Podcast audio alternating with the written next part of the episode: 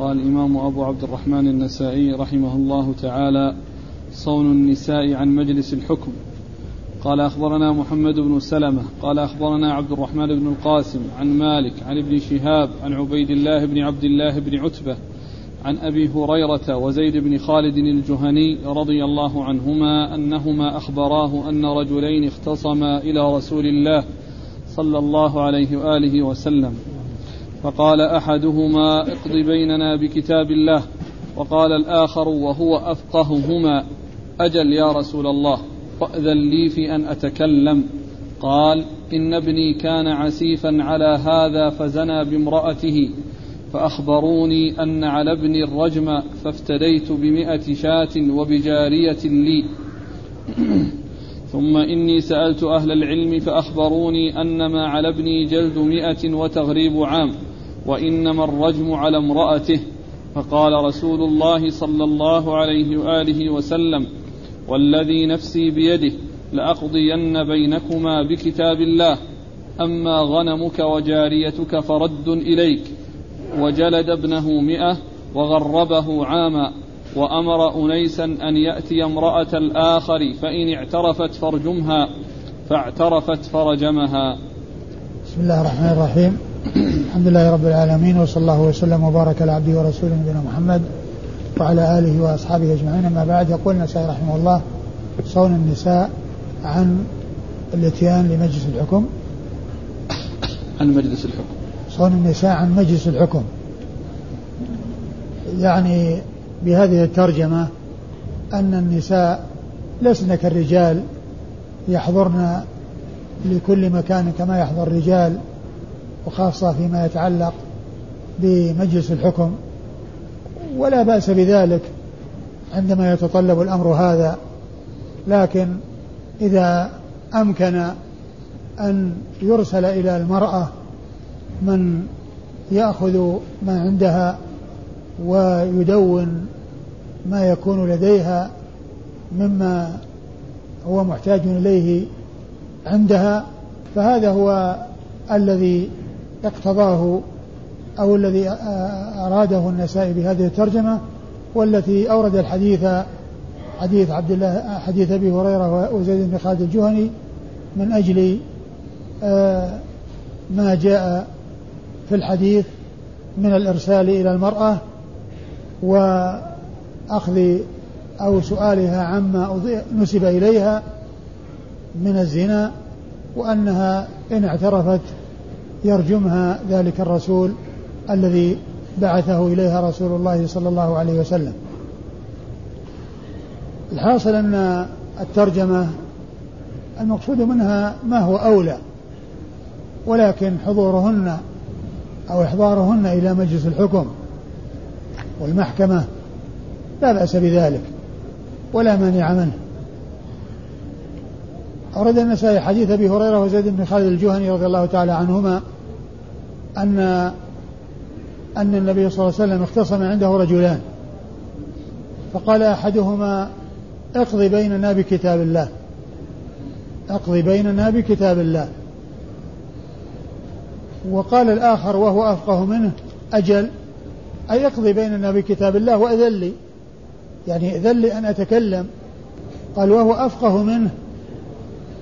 لأن الأول كونه يقول اقضي بيننا بكتاب الله هو لا يقضي عليه الصلاة والسلام إلا بما هو حق وإلى وإلا بما هو في كتاب الله الذي أنزله الله على رسوله أو فيما أوحاه الله عز وجل إليه من السنة التي هي شقيقة القرآن والتي هي في العمل والاتباع ووجوب الأخذ بها مثل القرآن. بل هي مما أمر الله تعالى به في القرآن في قول الله عز وجل وما آتاكم الرسول فخذوه وما نهاكم عنه فانتهوا. فإن السنة كلها داخلة تحت قوله وما آتاكم الرسول فخذوه وما نهاكم عنه فانتهوا. فإذا الحكم بها حكم بكتاب الله. ولهذا جاء عن عبد الله بن مسعود رضي الله تعالى عنه في قصة الواصلة والمستوصلة والواشمة والمستوشمة ولعنهما وقال ما لي لا ألعن من لعنه رسول الله وهو في كتاب الله. وكانت إحدى الصحابيات سمعت هذا الكلام عن ابن مسعود فجاءت إليه وقالت له إنك قلت كذا وكذا وإنني قرأت المصحف من أوله إلى آخره ما وجدت فيه لعن, لعن الله النامصة والمتنمصة والواشمة والمستوشمة. فقال إن كنت قرأتيه فقد وجدتيه. قال الله عز وجل وما آتاكم الرسول فخذوه وما نهاكم عنه فانتهوا. فكون هذا الرجل يقول اقضي بيننا بكتاب الله هذا لا حاجة إليه. وإنما هم جاءوا إلى الرسول صلى الله عليه وسلم يتحاكمون إليه وهو لا يحكم بينهم إلا بكتاب الله ولا يحكم بينهم إلا بالعدل والحق والقسط صلوات الله وسلامه وبركاته عليه. فهذا من عدم الفقه.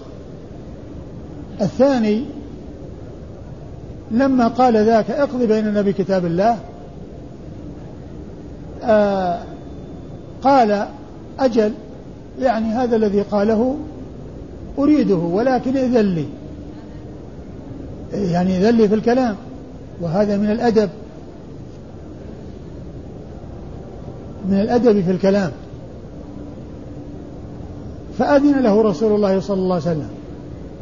فقال إن ابني كان عسيفا على هذا أي خصمه. عسيفا يعني أجيرا. إن ابني كان عسيفا على هذا فزنى بامرأته. وقوله إن ابني كان هذا كان عسيفا هذا تمهيد لبيان السبب الذي أوصل إلى هذا العمل المحرم والمناسبة والصلة. يعني ما جاء واقتحم الجدران وكسر الأبواب أو دخل مع الأبواب كان مخالط لهم كان معهم. أجير يشتغل. فيه شيء من الاتصال وفي هذا يكون البلاء. أكثر ما يكون البلاء من التقارب الذي يكون بسبب من الأسباب ثم بعد ذلك يؤدي إلى عواقب وخيمة. ومن أكثر ما يكون من الفساد ما يجري بسبب الخدم والخادمات في البيوت. فإن وجود الخدم في البيوت فيه خطر على النساء في البيوت.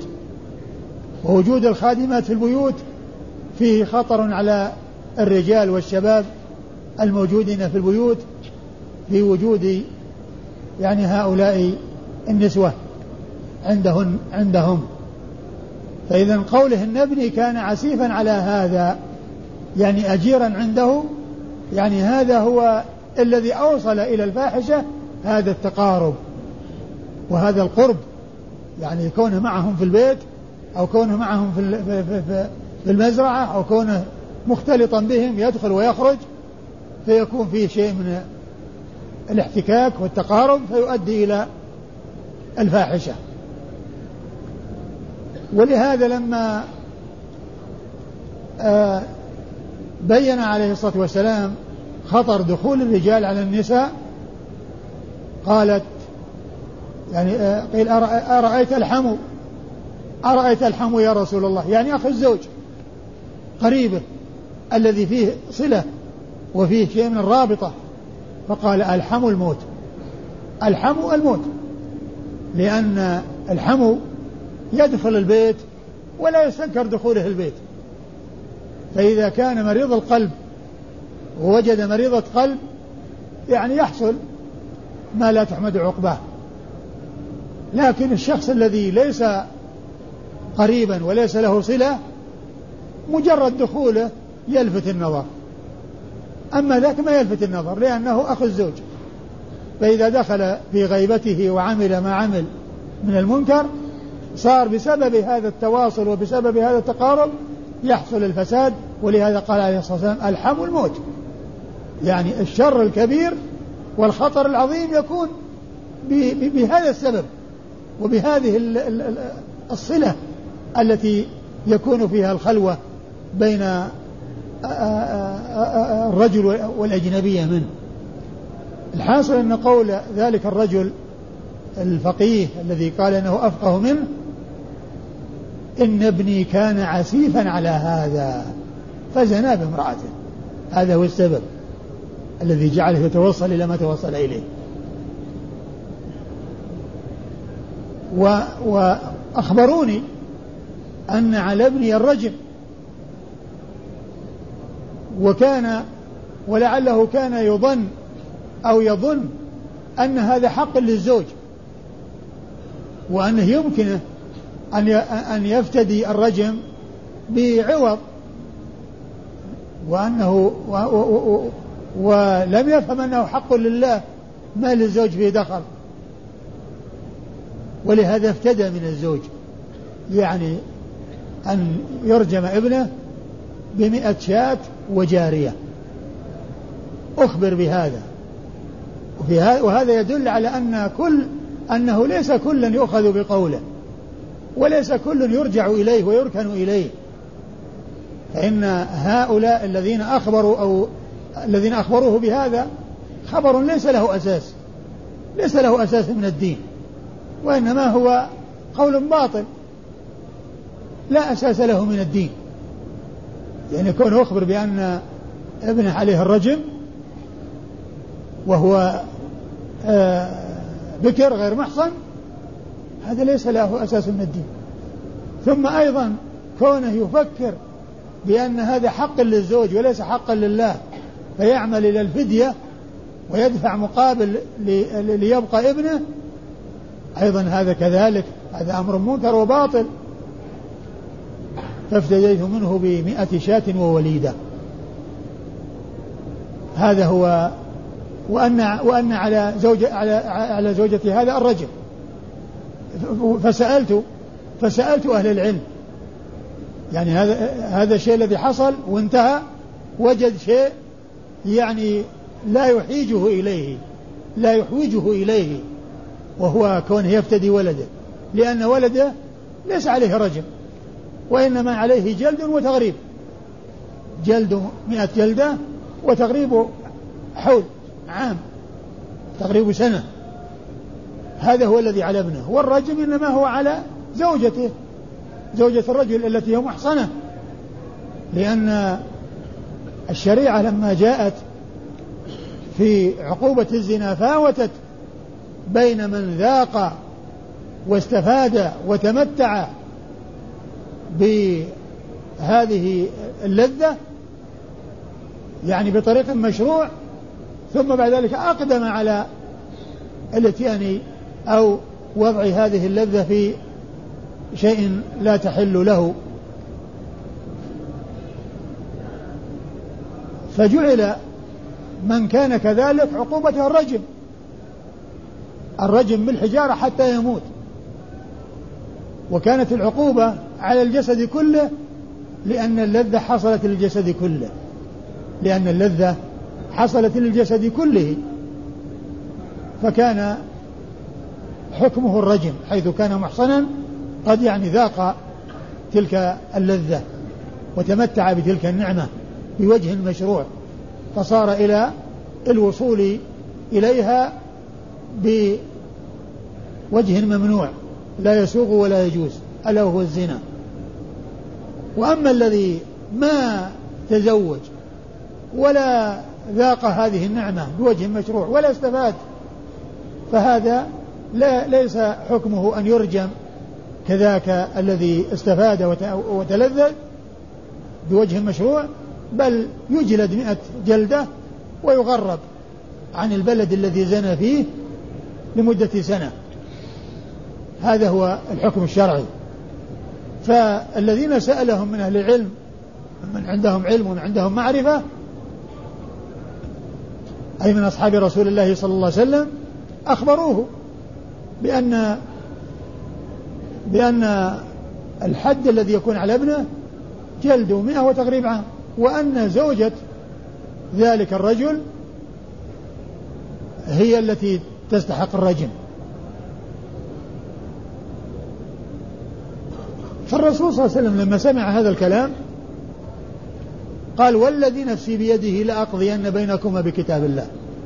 يعني الشيء اللي طلبته سأحققه وأنفذه. وهو الحكم بكتاب الله. والذي نفسي بيده. وهذا فيه الحلف بدون استحلاف. لتأكيد الكلام. وحصول تحققه وثبوته والذي نفسي بيده لأقضين بينكما بكتاب الله كما طلبتما. وهو صلى الله عليه وسلم لا يقضي إلا بكتاب الله ولا يحصل منه القضاء إلا بالحق لأنه هو الذي جاء بالشرع من الله عز وجل. وقد عصمه الله عز وجل. وقد عصمه الله عز وجل من أن يحكم بغير الحق. والذي نفسي بيده لأقضين بينكما بكتاب الله. وكتاب الله قيل المراد بحكم الله. وقيل المراد بكتاب الله الذي أنزله الله.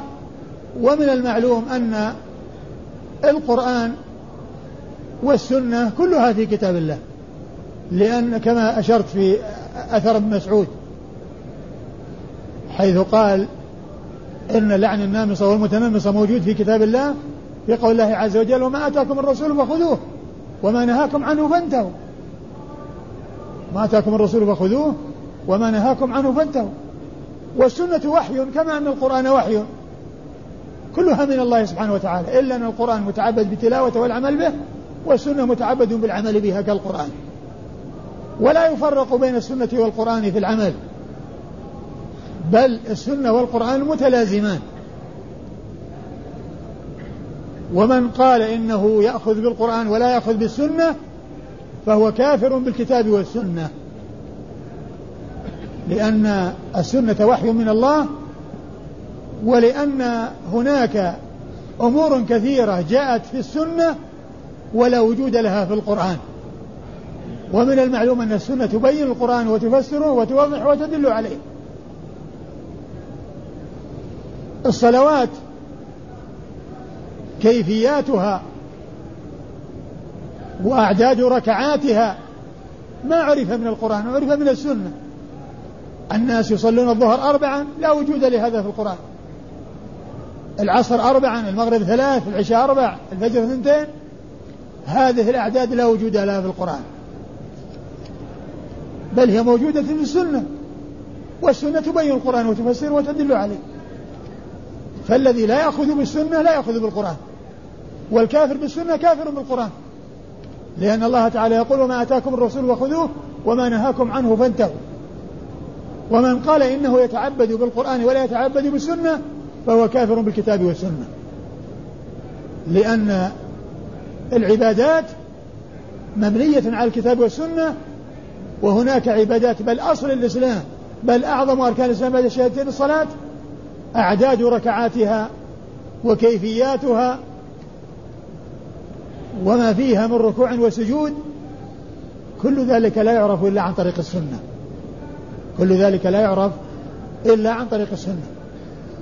إذا قول لأقضين بينكما بكتاب الله بحكم الله أو بكتاب الله عز وجل الذي نزله الله عز وجل والسنة داخلة فيه. في قوله عز وجل وما أتاكم الرسول فخذوه وما نهاكم عنه فانتهوا. ثم بين الحكم الذي حلف على أن يحكم بينهم به. فقال عليه الصلاة والسلام الجارية والغنم رد عليك. ترد عليك لأنها أخذت بغير حق. ولأن الرجم حق لله عز وجل وليس حقا ل آه، آه، ولي الولي ولي آه، التي زني بها. يعني ليس هو حق لله ليس حقا للمخلوقين. فما هو شيء يستأذنون في العفو عنه أو أخذ عوض عليه؟ لا لأنه حق لله عز وجل. هو حق لله عز وجل ليس حقا لهم.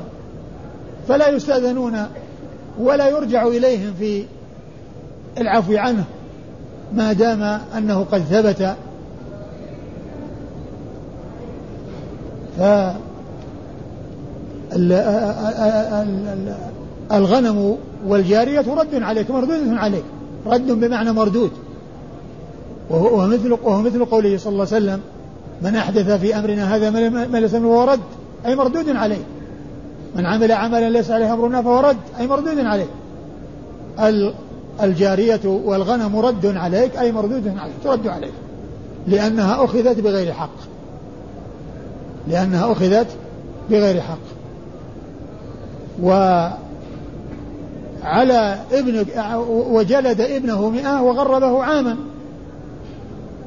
أما بالنسبة للمرأة التي ذكر أنه زنى بها فلم يكتف الرسول صلى الله عليه وسلم بهذا الكلام وهذه الإضافة التي أضيفت إليها.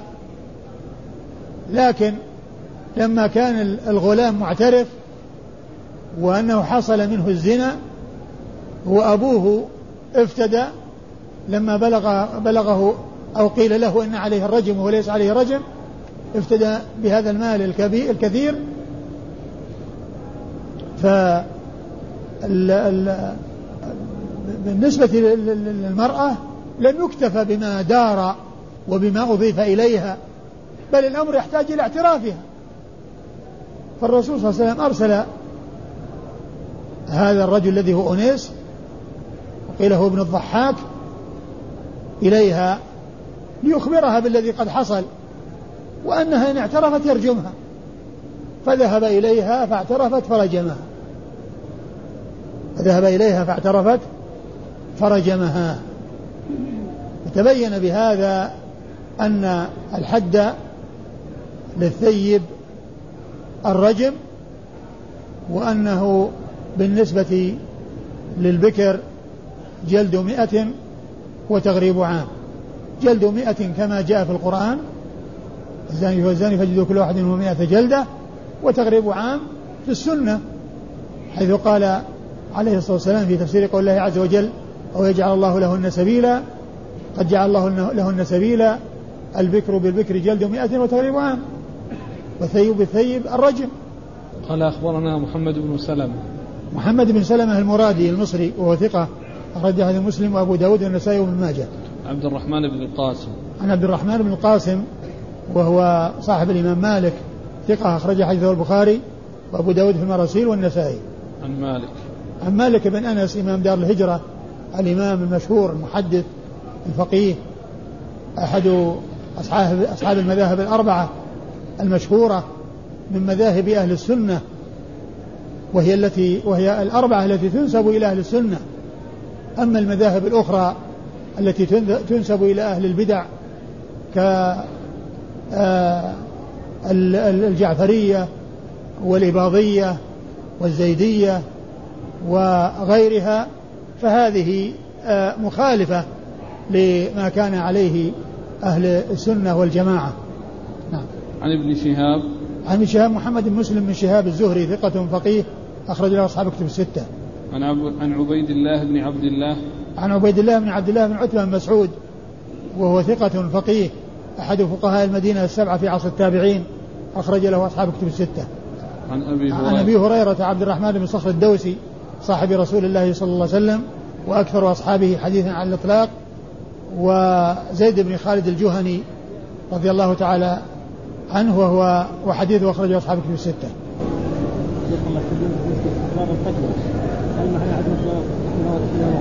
تكرار الفتوى؟ تكرار الفتوى من الصحابة. هو عدم اطمئنان القلب. آه الذي يبدو أن أن المسألة الأولى ما فيها فتوى وإنما فيها يعني سمع يعني خبر من ليس من أهل العلم لأن هذا ليس من العلم ولا وجود له ولا أساس له. وإنما يعني آه تكلم به من تكلم عن جهل وليس بعلم. ولكنه لما سمع أن يعني ابنه يكون كذا وكذا وظن أن هذا حق للزوج عمل على الافتداء فأعطاه مئة من الإبل وجارية على أن يسلم ابنه من القتل ويبقى على قيد الحياة. وأما الثاني هذا هو الذي قال من أهل العلم. هذه الفتوى الصحيحة التي هي مطابقة لما ثبت عن رسول الله صلى الله عليه وسلم. والمستفتي عندما يستفتي لا يكثر الاستفتاء فيأتي إلى هذا ويأتي إلى هذا ويأتي إلى هذا. يأتي إلى هذا وإلى هذا. وإنما يبحث عن من يثق بعلمه ودينه ثم يستفتي ويأخذ بفتواه ولا يسأل هذا ثم يسأل هذا ثم يسأل هذا ويتشوش. قال أخبرنا قتيبة قال حدثنا سفيان عن الزهري عن عبيد الله بن عبد الله عن أبي هريرة رضي الله عنه وزيد بن خالد رضي الله عنه وشبل أنهم قالوا كنا عند النبي صلى الله عليه وآله وسلم فقام إليه رجل فقال أنشدك بالله إلا ما قضيت بيننا بكتاب الله فقام خصمه وكان أفقه منه فقال صدق اقض بيننا بكتاب الله. قال قل. قال إن ابني كان عسيفا على هذا فزنى بامرأته فافتديت منه بمئة شاة وخادم. وكأنه أخبر أن على على ابنه الرجم فافتدى منه. ثم سألت رجالا من أهل العلم فأخبروني أن على ابني جلد مئة وتغريب عام. فقال له رسول الله صلى الله عليه وآله وسلم والذي نفسي بيده لأقضين بينكما بكتاب الله عز وجل. أما المئة شاة والخادم فرد عليك وعلى ابنك جلد مئة وتغريب عام. اغدو يا أنيس على امرأة هذا فإن اعترفت فارجمها فغدا عليها فاعترفت فرجمها. ثم ورد النسائي حديث أبي هريرة وزيد بن خالد وشبل. يعني ثلاثة كانوا في مجلس الرسول صلى الله عليه وسلم عندما جاء هذان الخصمان يختصمان. وفي هذا أن الأول الذي هو صاحب الزوجة التي زني بها قال أنشدك الله إلا قضيت لي بكتاب الله. وهذا يعني وهذا من عدم الفقه الذي أشار إليه في بعض آه، الرواية التي فيها وكان أفقى منه. هذه؟ هذه والتي قبلها. كلهم فيها وكان أفقى منه؟ وهو نعم. نعم. التي أشار إليه في الرواية. لأن كونه يعني يطلب منه يحكم بكتاب الله وهو لا يحكم إلا بكتاب الله. ثم أيضا ينشده يعني يسأله ويلح عليه باهتمام بأن يحكم بكتاب الله. كل هذا لا يحتاج إليه. لا يحتاج إلى هذا ال ال الاهتمام وأن كونه ينشده ولا أن يطلب منه أن يحكم بكتاب الله لأنه لا يحكم إلا بكتاب الله ولا يحكم إلا بالحق صلوات الله وسلامه وبركاته عليه. أنشدك الله إلا حكم بكتاب الله. كيف؟ أيوه. اقرأ. قالوا كنا عند النبي صلى الله عليه وسلم فقام إليه رجل فقال أنشدك بالله إلا ما قضيت بيننا بكتاب الله. فقام خصمه وكان أفقه منه. فقال صدق اقض بيننا بكتاب الله. قال قل. قال وهذا, وهذا يدل على أنه يجوز أن يحضر مجلس الحكم من ليس له علاقة في الحكم. لكن إذا كانت الأمور يعني فيها شيء يحتاج إلى إلى خفاء أو إلى شيء يعني ما يعني آه، يظهر لا بأس أن آه، آه، يكون الانفراد لكن وجود الثلاثة الصحابة في مجلس الرسول صلى الله عليه وسلم وجاء هؤلاء يختصمان وقضى بينهما وهم يسمعون يدل على جواز مثل ذلك. أيوه. قال إن, ابن إن ابني كان عسيفا على هذا فزنى بامرأته فافتديت منه بمئة شاة وخادم وكأنه أخبر أن على ابنه الرجم فافتدى منه. ثم سألت رجالا من أهل العلم فأخبروني أن على ابني جلد مئة وتغريب عام. جلد. كيف؟ على ابني أن على ابني جلد. أن على ابني جلد مئة وتغريب عام. هذه قاعدة جاءت إن أو أن وبعدها جار ومجرور وهو خبرها فإن الاسم يكون منصوب. وعلى العكس من ذلك كان. يعني إذا جاءت كان وفيه جار ومجرور بعدها ثم جاء بعدها الاسم يكون مرفوعا. اسم يكون مرفوعا. فقال له رسول الله صلى الله عليه وسلم والذي نفسي بيده لأقضين بينكما بكتاب الله عز وجل أما المئة شاة والخادم فرد عليك وعلى ابنك جلد مئة وتغريب عام. اغدو يا أنيس على امرأة هذا فإن اعترفت فارجمها فغدا عليها فاعترفت فرجمها. وفيه وفيه الإنابة في استيفاء الأحكام. يعني لأن النبي أناب أنيسا بأن آه، يأخذ الاعتراف وأن ينفذ الحكم. في هذا يعني الاستنابة. في تنفيذ الأحكام. السورة الثانية كان على ربك لا الاسم يعني آه، ضمير هنا. الاسم ضمير. كان أي شيء على ربك حتما مقضية يعني على ربك حتما مقضية. لأن الاسم كان ضمير هنا. قال أخبرنا مستتر. نعم. قال أخبرنا قتيبة. يرجع للمتقدم. نعم. أيوه. قال أخبرنا قتيبة. قتيبة بن سعيد بن جميل بن طريف البغلاني ثقة أخرج له أصحاب كتب الستة. عن سفيان. عن سفيان هو بن عيينة المكي ثقة أخرج له أصحاب كتب الستة. عن الزهري عن عبيد الله بن عبد الله عن أبي هريرة وزيد بن خالد والشبل. وقد مر ذكرهم أما شبل فهو غير منسوب وحديثه أخرجه البخاري أخرجه الترمذي والنسائي وابن ماجه.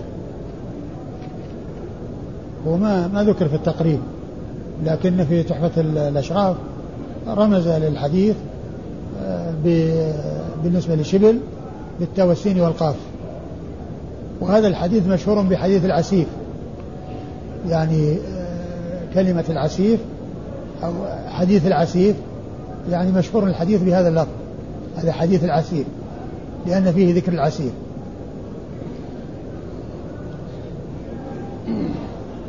لما ذكر في تحفة الأشراف عن شبل هذا قال يعني له حديث العسير حديث العسير بس هكذا. ما هو شبل بن حامد؟ وين ذكر؟ التقريب. لا التقريب هذا مو صحابي. شبل بن حامد بن خليد المزني مقبول من الثالثة وأخطأ من قال هو شبل بن معبد. قال أبو الأشبال راجع ترجمة شبل بن حامد في تهذيب التهذيب ثم في الإصابة فإن الحافظ ذكرها في الفصل الأول أي أنه صحابي. وأيضا راجع أسد الغابة ثم راجع تحفة الأشراف فإن المزي عده صحابيا وذكر روايته عن النبي صلى الله عليه وآله وسلم التي رواها الترمذي والنسائي وابن ماجه. هو صحابي لكنه يعني بس هذا الذي قال إنه مقبول ومن الطبقة الثالثة يعني هذا ما يكون صحابي. إيه لكنه هو شبل بن حامد. إلا نعم. شبل بن حامد لأنه نص لأنه هكذا ترجم له في تهذيب التهذيب وفي الإصابة. نعم لكنه بس يعني الآن كونه يعني هو هو هذا الذي قال عنه مقبول هذا ما يقال ما يقال في الصحابي. الصحابي لا يقال فيه شيء نبت لا ما نأخذ مقبول إحنا نأخذ بس نسبته. نسبته صحيحة. شيء شبل بن حامد أو بن إيه. خليد المزني. اي لكن بس هو اللي قال عنه مقبول؟ هنا قال عنه مقبول وفي الإصابة عده صحابي.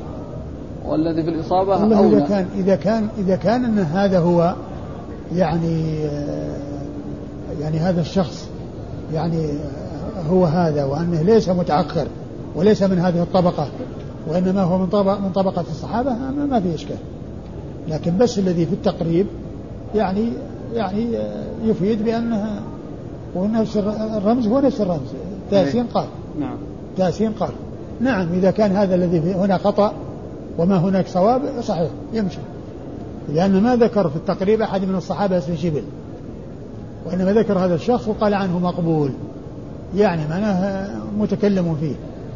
وحديثه يعني يحتاج إلى اعتضاد. لكن إذا كان أنه يعني هذا هو الذي آه، في الإصابة وهذا هو الذي روى الحديث حديث الرسول صلى الله عليه وسلم الذي هو يتعلق بالعسير وكان في مجلس النبي صلى الله عليه وسلم مع زيد بن خالد وأبي هريرة لما جاء الخصمان يختصمان هذا لا شك لكن ما يكون في التقريب غير صحيح. قال رحمه الله تعالى توجيه الحاكم إلى من أخبر إلى من أخبر أنه زنى. قال أخبرنا الحسن بن أحمد الكرماني قال حدثنا أبو الربيع قال حدثنا حماد قال حدثنا يحيى عن أبي أمامة بن سهل بن حنيف أن النبي صلى الله عليه وآله وسلم أتي بامرأة قد زنت فقال ممن؟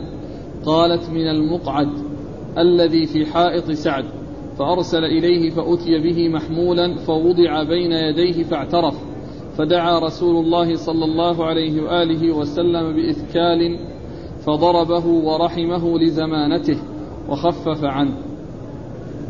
ثم ورد النسائي هذه الترجمة وهي توجيه توجيه الحاكم. نعم إلى من أخبر أنه زنى. توجيه الحاكم إلى من أخبر بأنه زنى. يعني لإحضاره. ويعني آه، لأن الترجمة فيها أنه أرسل إليه وأحضر أو وجه إليه من يأتي به وأتى به حتى وكان وأتي به محمولا فوضع بين يدي الرسول صلى الله عليه وسلم. أورد النسائي تحت هذه الترجمة حديث أبي أمامة بن سهل بن حنيف رضي الله تعالى عنه أنه آه أن أن النبي صلى الله عليه وسلم أتي بامرأة قد زنت. فقال ممن؟ فقالت من فلان المقعد في حائط سعد. يعني شخص مقعد يعني ما يتحرك. وكان زمنا يعني مريضا مرض لا يرجى برؤه. فأتي به فاعترف. ولما كان يعني آه، جلده أو إقامة الحد عليه يؤدي إلى هلاكه وكان يعني زمنا وهو المريض الذي مرضه لا يرجى برؤه دعا بإثكال وهو العذق الذي فيه الشماريخ وضربه به وخفف عنه ورحمه لزمانته وخفف عنه. يعني معناها أن آه، مثله لا ليس مريضا مرض طارئ ينتظر حتى يشفى ثم يقام عليه الحد وإنما هو هكذا مستمر. ويعني إقامة الحد عليه يؤدي إلى هلاكه يؤدي إلى هلاكه فعوقب بهذه العقوبة التي فيها التخفيف عليه. نعم. قال أخبرنا الحسن بن أحمد الكرماني. الحسن بن أحمد الكرماني لا بأس به أخرج حديث النسائي وحده.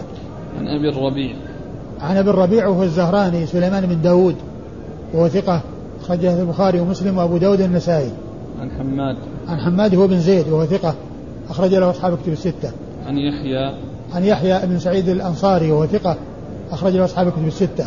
عن أبي أمامة. عن أمام عن أبي أمامة بن سهل بن حنيف وهو آه يعني آه له رؤية وحديثه عن النبي صلى الله عليه وسلم مرسل ولكن يعني يعني آه غالبا أن هؤلاء يعني لا يأخذون إلا عن الصحابة رضي الله تعالى عنهم وأرضاهم. ولهذا صحح الحديث آه، بعض أهل العلم.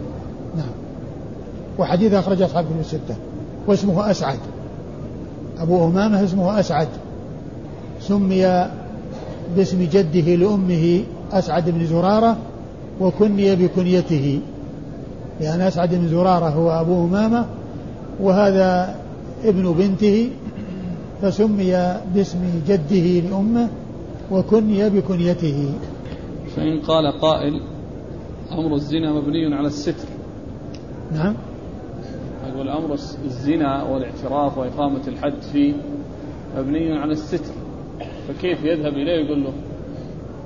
هو مثل أن المقصود هو إخباره وأنه لو أنكر فإنه يكون مقذوفا. والقاذف يعني يقام عليه الحد إلا يقام عليه الحد. ف وإذا اعترف فإنه يقام عليه الحد. وهذا هو الذي حصل. اعترف وأقيم عليه الحد بهذه الطريقة التي جاءت في الحديث والمرأة اعترفت فأقيم عليها الحد فرجمت. قال رحمه الله تعالى مصير الحاكم. كذا ولا مسير؟ مصير؟ مصير الحاكم لا. في الصلب وضعها مصير وفي الحاشية يقول مسير. مسير؟ إيه السين. إيه. مسير لا شك أنه أوضح لكن مصير يعني كونه صار إليهم يعني يمكن يعني ان يكون له وجه. لكن مسير هي هي هي هي الأوضح لأنه سار إليهم. مصير الحاكم إلى رعي إلى رعيته للصلح بينهم. قال أخبرنا محمد بن منصور قال حدثنا سفيان قال حدثنا أبو حازم قال سمعت سهل بن سعد الساعدي رضي الله عنهما يقول وقع بين حيين من الأنصار كلام حتى تراموا بالحجارة فذهب النبي صلى الله عليه وآله وسلم ليصلح بينهم فحضرت الصلاة فأذن بلال رضي الله عنه وانتظر رسول الله صلى الله عليه وآله وسلم فاحتبس فأقام الصلاة وتقدم أبو بكر رضي الله عنه فجاء النبي صلى الله عليه وآله وسلم وأبو بكر يصلي بالناس. فلما رآه الناس صفحوا وكان أبو بكر لا يلتفت في الصلاة. فلما سمع تصفيحهم التفت. فإذا هو برسول الله صلى الله عليه وآله وسلم. أراد أن يتأخر فأشار إليه أن اثبت. فرفع أبو بكر رضي الله عنه يعني يديه. ثم نكص القهقرى. وتقدم رسول الله صلى الله عليه وآله وسلم فصلى. فلما قضى رسول الله صلى الله عليه وآله وسلم قال ما منعك أن تثبت؟ قال ما كان الله ليرى قال ما كان الله ليرى ابن أبي قحافة بين يدي نبيه. ثم أقبل على الناس فقال ما لكم؟ إذا نابكم شيء في صلاتكم صفحتم. إن ذلك للنساء. من نابه شيء في صلاته فليقل سبحان الله ثم ورد النسائي هذه الترجمة وهي مسير أو مصير الحاكم أو الإمام. إلى رعيته. الإمام. الحاكم. مصير الحاكم إلى رعيته ليصلح بينهم. يعني كونه يذهب إليهم في أماكنهم ليصلح بينهم ودون أن يرسل إليهم فيأتوا إليه خشية أن يحصل من طول المكث والإرسال إليهم استمرارهم في ما جرى بينهم من الاختلاف الذي أدى إلى أن يضرب أو يرمي بعضهم بعضا بالحجارة. فلما علم رسول الله صلى الله عليه وسلم خشي أن يؤدي ذلك إلى زيادة الشقة والخلاف بينهم فبادر صلوات الله وسلامه وبركاته عليه إليهم ليصلح بينهم. وكان أن مكث عندهم حتى حان وقت الصلاة واحتبس يعني بقي الرسول صلى الله عليه وسلم عندهم حتى دخل الناس في الصلاة. ولما تأخر مجيئه إليهم أقام بلال وتقدم أبو بكر. وبعد ذلك جاء النبي صلى الله عليه وسلم ولما وصل رسول الله صلى الله عليه وسلم جعلوا يصفقون يصفحون يعني يصفقون بأيديهم. يعني ينبهون أبا بكر على بمجيء الرسول صلى الله عليه وسلم. وكان أبو بكر لا يلتفت في صلاته. ولكنه في هذه المرة لما رأى كثرة تصفيقهم التفت فإذا رسول الله صلى الله عليه وسلم فأراد أن يتأخر فالنبي صلى الله عليه وسلم أشار له أن يثبت يعني امكث مكانك واستمر في الصلاة. فرفع يديه وقال الحمد لله كما جاء في بعض الروايات. ثم إنه رجع القهقراء وتقدم رسول الله صلى الله عليه وسلم وصلى بالناس ولما فرغ قال لأبي بكر ما منعك؟ ما لك إذ أمرتك أن يعني آه، أن لم تثبت؟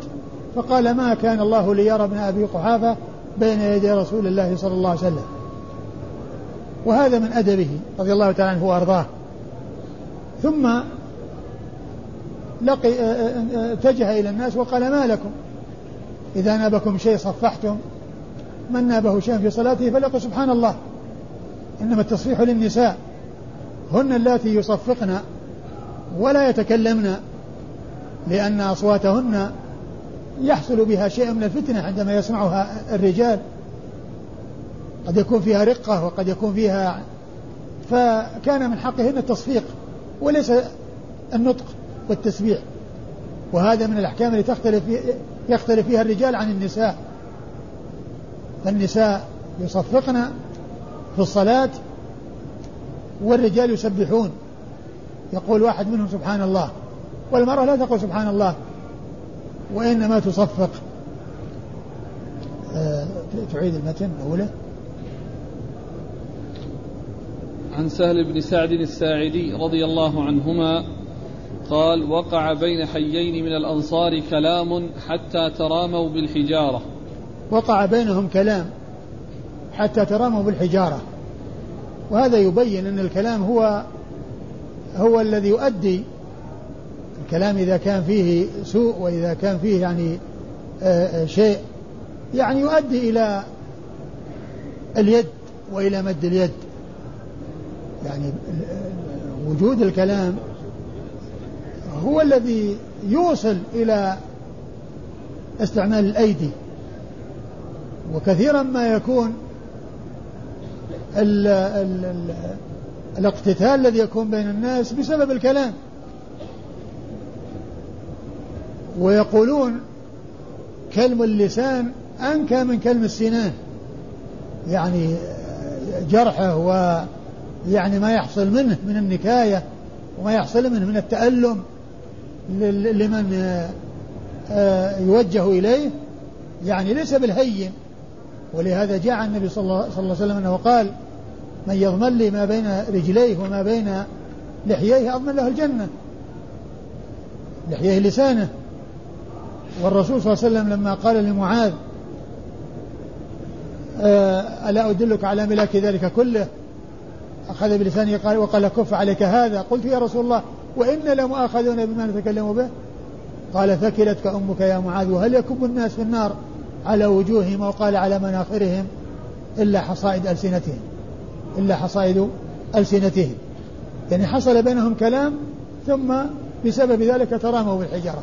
يرمي بعضهم بعض بالحجارة. خلاف. ف فسمع بذلك رسول الله صلى الله عليه وسلم. إيش قال؟ فذهب النبي صلى الله عليه وآله وسلم ليصلح بينهم. فذهب النبي صلى الله عليه وسلم ليصلح بينهم. وهذا يدل على كمال خلقه صلى الله عليه وسلم وحرصه على ما فيه الخير وما فيه السلامة لأصحابه رضي الله تعالى عنهم وأرضاهم فإنه ذهب بنفسه ولم يرسل أحدا ولم يطلب حضورهم لأن إرساله أحد ليس مثل ذهابه هو بنفسه وذهابه يعني يكون له منزلة عندهم. وكونه يعني يطلب حضورهم يمكن يحصل في هذه الفترة من الاختلاف بينهم وما يترتب عليه أضرار كبيرة يعني من جهة يعني كون بعضهم آه، آه، يضر ببعض يضر ببعض في الضرب والرمي بالحجارة الذي أشير إليه نعم قال فحضرت الصلاة فأذن بلال وانتظر رسول الله صلى الله عليه وآله وسلم فاحتبس. أذن بلال وحضرت الصلاة وانتظر الرسول صلى الله عليه وسلم فاحتبس لأنه يعني طال مكثه عند أولئك للإصلاح بينهم. ثم أقام بلال الصلاة وقدم أبا بكر. وهذا يدلنا على أن الإمام إذا غاب إمام المسجد إذا غاب ومضى وقت طويل أنه يتقدم واحد من الناس من يكون أهلا للإمامة ويصلي بالناس. يعني ما دام إنه يعني مضى وقت طويل وانتظروه ولم يحضر فيتقدم واحد لأن أبا بكر رضي الله عنه تقدم وصلى بالناس. نعم.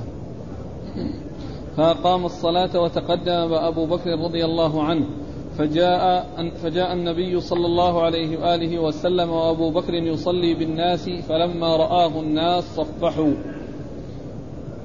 صفحوا يعني صفقوا تنبيها لأبي بكر على مجيء الرسول صلى الله عليه وسلم. وكان أبو بكر لا يلتفت في الصلاة. فلما سمع تصفيحهم التفت فإذا هو برسول الله صلى الله عليه وآله وسلم. أراد أن يتأخر فأشار إليه أن يثبت فرفع. أراد, أراد أن يتأخر ليتقدم الرسول صلى الله عليه وسلم ليصلي بالناس فأشار إليه أن يثبت. أشار إليه أن يثبت. أثبت مكانك لا تتأخر يعني معناه أنه يواصل ويستمر في صلاته بهم والرسول صلى الله عليه وسلم يصلي وراءه. يصلي وراءه. نعم. فرفع أبو بكر رضي الله عنه يعني يديه. رفع أبو بكر يديه وقال الحمد لله كما جاء في بعض الروايات. يعني كون الرسول صلى الله عليه وسلم يعني أكرمه وأراد أن منه أن يبقى ولكنه رأى ألا يبقى لأن ورأى ولم يعتبر هذا يعني أمرا من الرسول صلى الله عليه وسلم يتحتم الأخذ به وإنما رآه من باب الإكرام فأراد أن يتأخر حتى لا يكون يصلي بالرسول صلى الله عليه وسلم. وكما بين ذلك لما سأله رسول الله صلوات الله وسلامه وبركاته عليه. وهذا يدل على أدب أبي بكر وفضله رضي الله عنه وأرضاه ويدل على أنه إذا حصل يعني في حال القيام مثل هذا الذكر بأن يقول الحمد لله أنه لا بأس بذلك لأن النبي صلى الله عليه وسلم أقره على هذا وهو إنما حمد الله شكرا على كون النبي صلى الله عليه وسلم أقره وأكرمه بهذا ولكنه لم يرى أن يستمر ولم يرى أن هذا أمر يجب الأخذ به وإنما رآه من باب الإكرام فأراد أن يتنازل عنه وألا يتقدم بين يدي الرسول الكريم صلوات الله وسلامه وبركاته عليه. نعم. ثم نكص القهقرى وتقدم رسول الله ثم نكص القهقرى وتقدم رسول الله صلى الله عليه وسلم. وهذا يدلنا على أن الإنسان إذا نابه في صلاته شيء وأراد أن يتأخر ليتقدم غيره بأن يكون إنسان مثلا آه، شعر بأنه لا يستطيع أن يستمر لحاجته الشديدة إلى أن يذهب لقضاء الحاجة ولا يستطيع أن يواصل. فيتأخر ويقدم واحد من الناس لكن ما يلتفت إليهم وينحرف ويأتي آه، إليهم يعني آه، آه، يقابلهم وإنما يتأخر يرجع القهقرة كما فعل أبو بكر رضي الله عنه. أبو بكر رضي الله عنه ما انحرف واستقبل الناس بوجهه. هو إمامهم حتى تقدم رسول الله صلى الله عليه وسلم. والإمام يكون مستقبل القبلة. ما ينحرف إلى جهة المأمومين وهو في الصلاة ويستقبل المأمومين وهو في جهة الصلاة. بل يواصل اتجاهه للقبلة ويرجع القهقرة ويتقدم الشخص الذي يراد أن يتقدم. نعم. فتقدم رسول الله صلى الله عليه وسلم وصلى بالناس. أيوه. فلما قضى رسول الله صلى الله عليه وسلم قال ما منعك أن تثبت؟ قال ما كان الله ليرى ابن أبي قحافة بين يدي نبيه. قال له الرسول ما منعك أن تثبت؟ يعني مكانك لما قلت لك أثبت لما أشار إليه أن يثبت. ما منعك أن تثبت؟ قال ما كان الله ليرى ابن أبي قحافة بين يدي نبيه. يعني متقدم عليه يصلي يصلي به. متقدم عليه يصلي به. ثم التفت. ثم أقبل على الناس فقال ما لكم إذا نابكم شيء في الصلاة صفحتم. إن ذلك للنساء. من نابه شيء في صلاته فليقل سبحان الله ثم بين عليه الصلاة والسلام للناس أن تصفيحهم هذا ليس لهم أن يفعلوه وإنما هو من شأن النساء. وأما الرجال فعندما ينوبهم شيء في الصلاة يقولون سبحان الله والنساء تصفح تصفق ولا تتكلم وذلك أن صوتها أو صوت المرأة قد يكون فيه شيء من الرقة فيفتن الناس وهم في صلاتهم. ولا وهذا كما ذكرت من الأحكام التي جاء فيها التفريق بين الرجال والنساء. والأصل هو تساوي الرجال والنساء في الأحكام. وإنما يكون الفرق بينهم فيما يكون من خصائص النساء. أو أو يأتي نص من الشارع فيقول آه، آه، الرجال كذا والنساء كذا. وهذا فيه جملة جاء في جملة من النصوص وأنا ذكرت جملة منها في الفوائد المنتقاة من فتح الباري.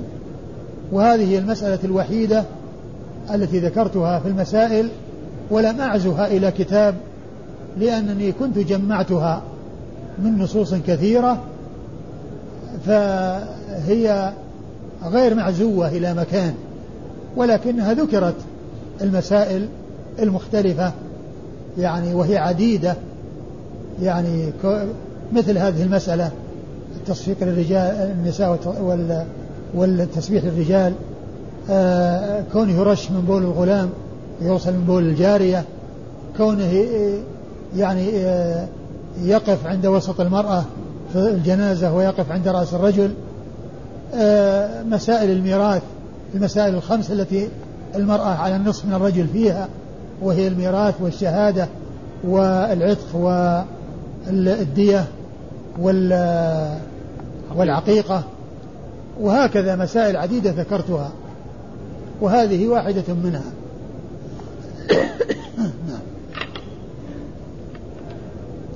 التصفيح للرجال في داخل الصلاة وخارج ممنوع ولا فسق في الصلاة؟ والله الذي يبدو أن أن الرجال لا لا يصفقون لأن هذا من شأن النساء. والتصفير وكذلك التصفير، الصفير لا لا لا يصفر لا الرجال ولا النساء. استخدامه كعلامة للتنبيه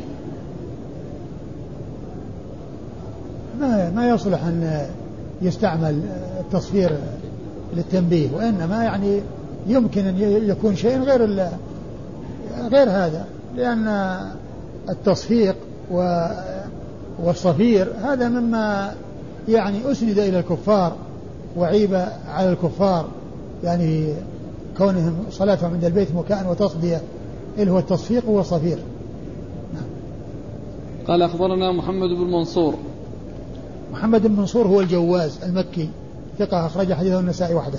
عن سفيان عن سفيان هو بن عيينة مر ذكره. عن أبي حازم. عن أبي حازم هو سلمان الأشجعي ثقة أخرجه أصحاب الكتب الستة. عن سهل بن سعد الساعدي. عن سهل بن سعد الساعدي رضي الله عنه صاحب رسول الله صلى الله عليه وسلم وحديثه أخرجه أصحاب الكتب الستة وكنيته أبو العباس سهل بن سعد.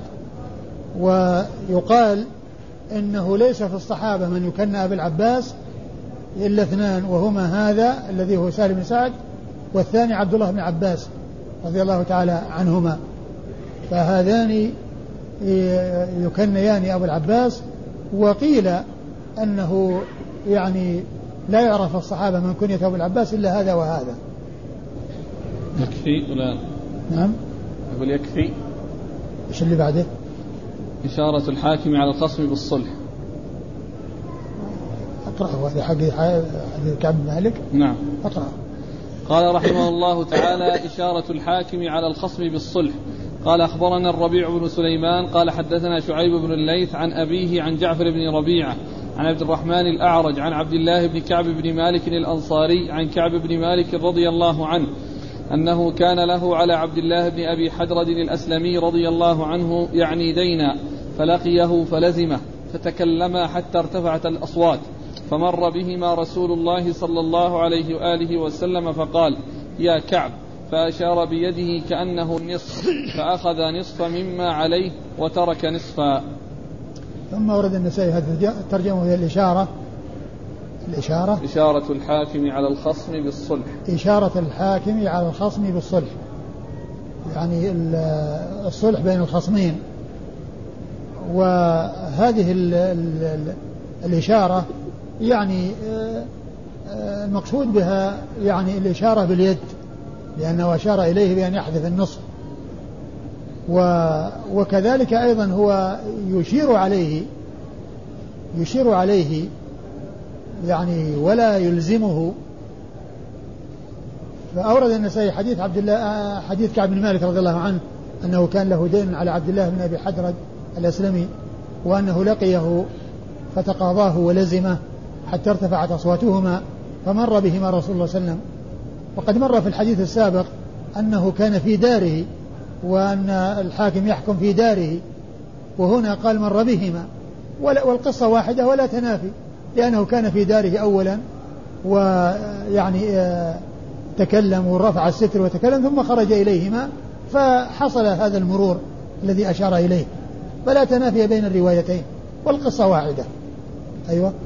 قال أخبرنا الربيع بن سليمان. في داره إيش؟ بعدين. يقول فمر بهما رسول الله صلى الله عليه وسلم. أيوة. فقال يا كعب. فأشار بيده كأنه يقول النصف. نعم. فأخذ نصفا مما عليه وترك نصفا. أي نعم. أصلح بينهم بأن يعني يترك هذا ثم يأخذ الباقي ويعطيه إياه. نعم. والإسناد؟ هذا بدليل يا شيخ أن يحكم الحكم وهو يمشي. يمكن. يمكن لأنه مر بهما نعم. قال أخبرنا الربيع بن والأصل هو الجواز. ما في ما في أصل لا يقال بمنع إلا إذا وجد دليل وإلا هو الأصل جواز.